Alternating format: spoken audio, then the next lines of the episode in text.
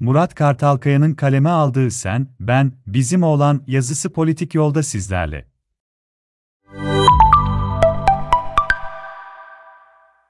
FED tutanakları açıklandı. Çok net tarih ve rakam açıklanmadığından piyasa, biz bunları biliyoruz zaten havasında iyimser kaldı geçen hafta. Borsalar, kripto paralar, altın, gümüş ilk başlarda olumlu tepki verdiyse sonraları normal havasına döndü. Rusya-Ukrayna gerginliğini, haftaya, Rusya'nın sınırdaki askerleri geri çekiyor, haberiyle piyasaların sakinleşmesiyle başladıysak da sonrasında değişen bir şey olmadığı belli oldu.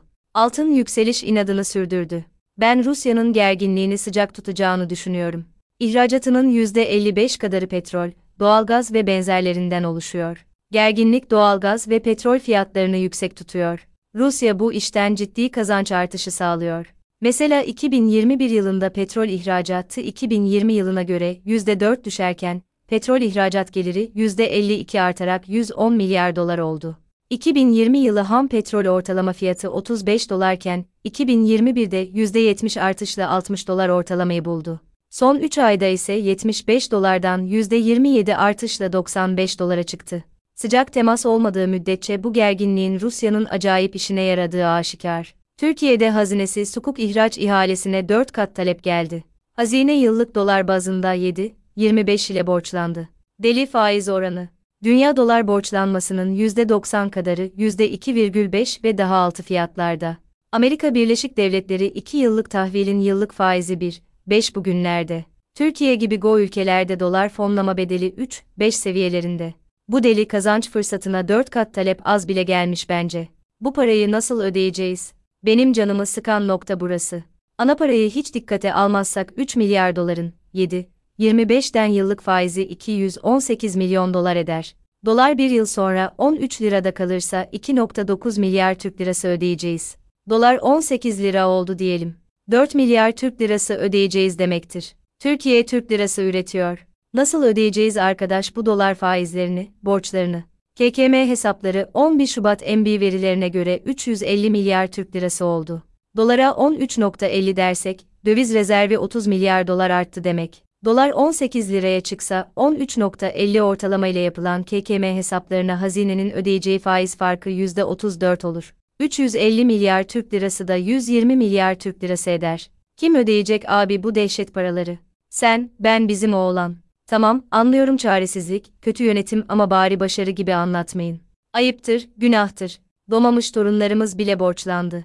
11 Şubat MB verilerine göre, DTH 2 milyar dolar daha azalmış. Son iki haftadır vatandaştan ziyade şirketlerin çıkışını gözlemliyoruz. Umarım şirketleri de yakmazlar. 11 Şubat tarihine göre Swap hariç, MB net rezervi 48,3 milyar dolara gelmiş. 24 Aralık tarihinde eksi 55.8 milyar dolardı. 7.5 milyar dolarlık bir düzelme var. Dolar Türk lirası, yatay seyir yine devam etti. Bu yatay seyir normal değil. 12'ye düşebilir, 15 seviyesini deneyebilir ama bir hareket yapar. Dünya yanıyor Türk lirasının umurunda değil. Bu durum sürdürülemez. Bir yerde kötü patlar, ben uyarayım da. 13.15 destek, 13.68 direnç.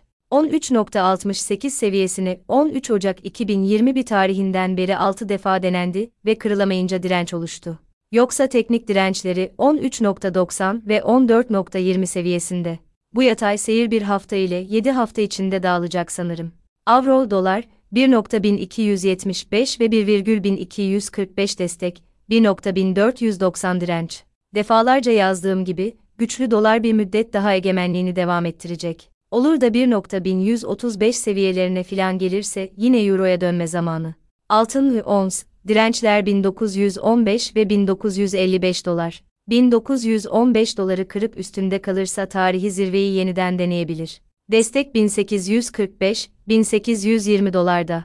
1810 dolar altında haftalık kapanış yükselişi bitirir. Borsa, direnç 2090, destek 1850 puanda. İşlem hacmi iyice düştü, yabancı yok. Dünya borsaları şişkin. DVJ endeksinde 33 bin seviyesinin aşağı kırılması sert hareketlere sebep olabilir. BIST de bu durumdan nasibini alır. Brent petrol 98,10 dolar direnç, 89.15 ve 86.80 dolar destekler. TR10 tahvil 20.80 desteğinden döndü. Umalım da 22.80 direnci dayansın. Sonrası üzücü. Bitcoin, sürekli 42.250 doların üstünde kalmasının öneminden bahsediyorum biliyorsunuz. Bir türlü haftayı üstünde kapatamıyor. Bu hafta 41.500 üstünde kalması önemli. Çok önemli.